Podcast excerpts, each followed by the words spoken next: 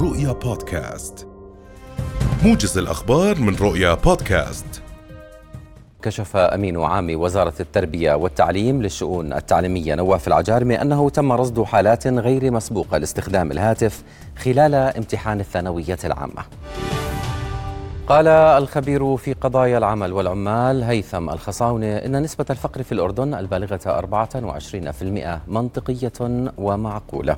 وأضاف الخصاونة للرؤية أن الحد الأدنى لدخل الأسرة والبالغ 480 دينارا ناتج عن دراسات لمستوى الفقر والحد الأدنى الذي يحتاجه الفرد في الشهر لتحقيق المتطلبات الأساسية للحياة مشيرا إلى فجوة في الرواتب بين القطاعين العام والخاص تؤثر على رغبة المواطنين بالتوجه للعمل في القطاع العام حيث تكون ساعات العمل أقل وأيام العطل أكثر.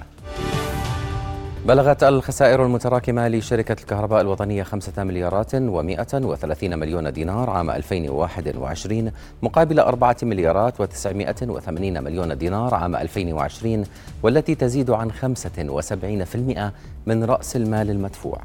وبحسب تقرير الشركة السنوي بلغت خسائر الشركة لعام 2021 نحو 153 مليون دينار مقابل 62 مليون دينار تقريبا عام 2020 وأشار التقرير إلى أن المطلوبات المتداولة للشركة تجاوزت موجوداتها المتداولة بمبلغ 3 مليارات ونصف المليار دينار.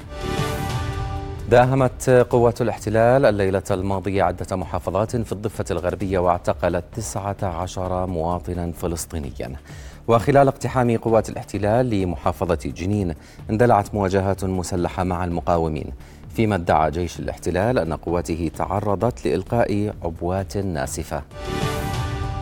وجهت خدمات الطوارئ الأسترالية أوامر لآلاف الأشخاص في مدينة سيدني لإخلاء منازلهم بعد أن غمر فيضان الأنهار مساحات شاسعة من الأراضي فيما تسبب أكبر سد في المدينة بتشكل السيول. وتم إنقاذ حوالي عشرين شخصا كثير منهم حوصروا داخل سيارات على طرق اجتاحتها الفيضانات في ولاية نيو ساوث ويلز.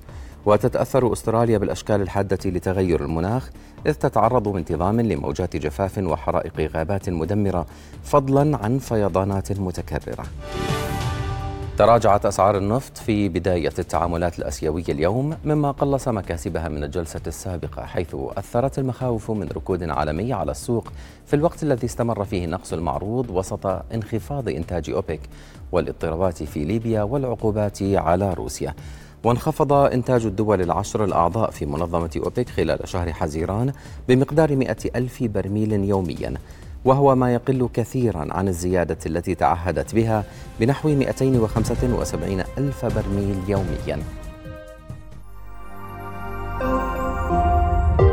رؤيا بودكاست.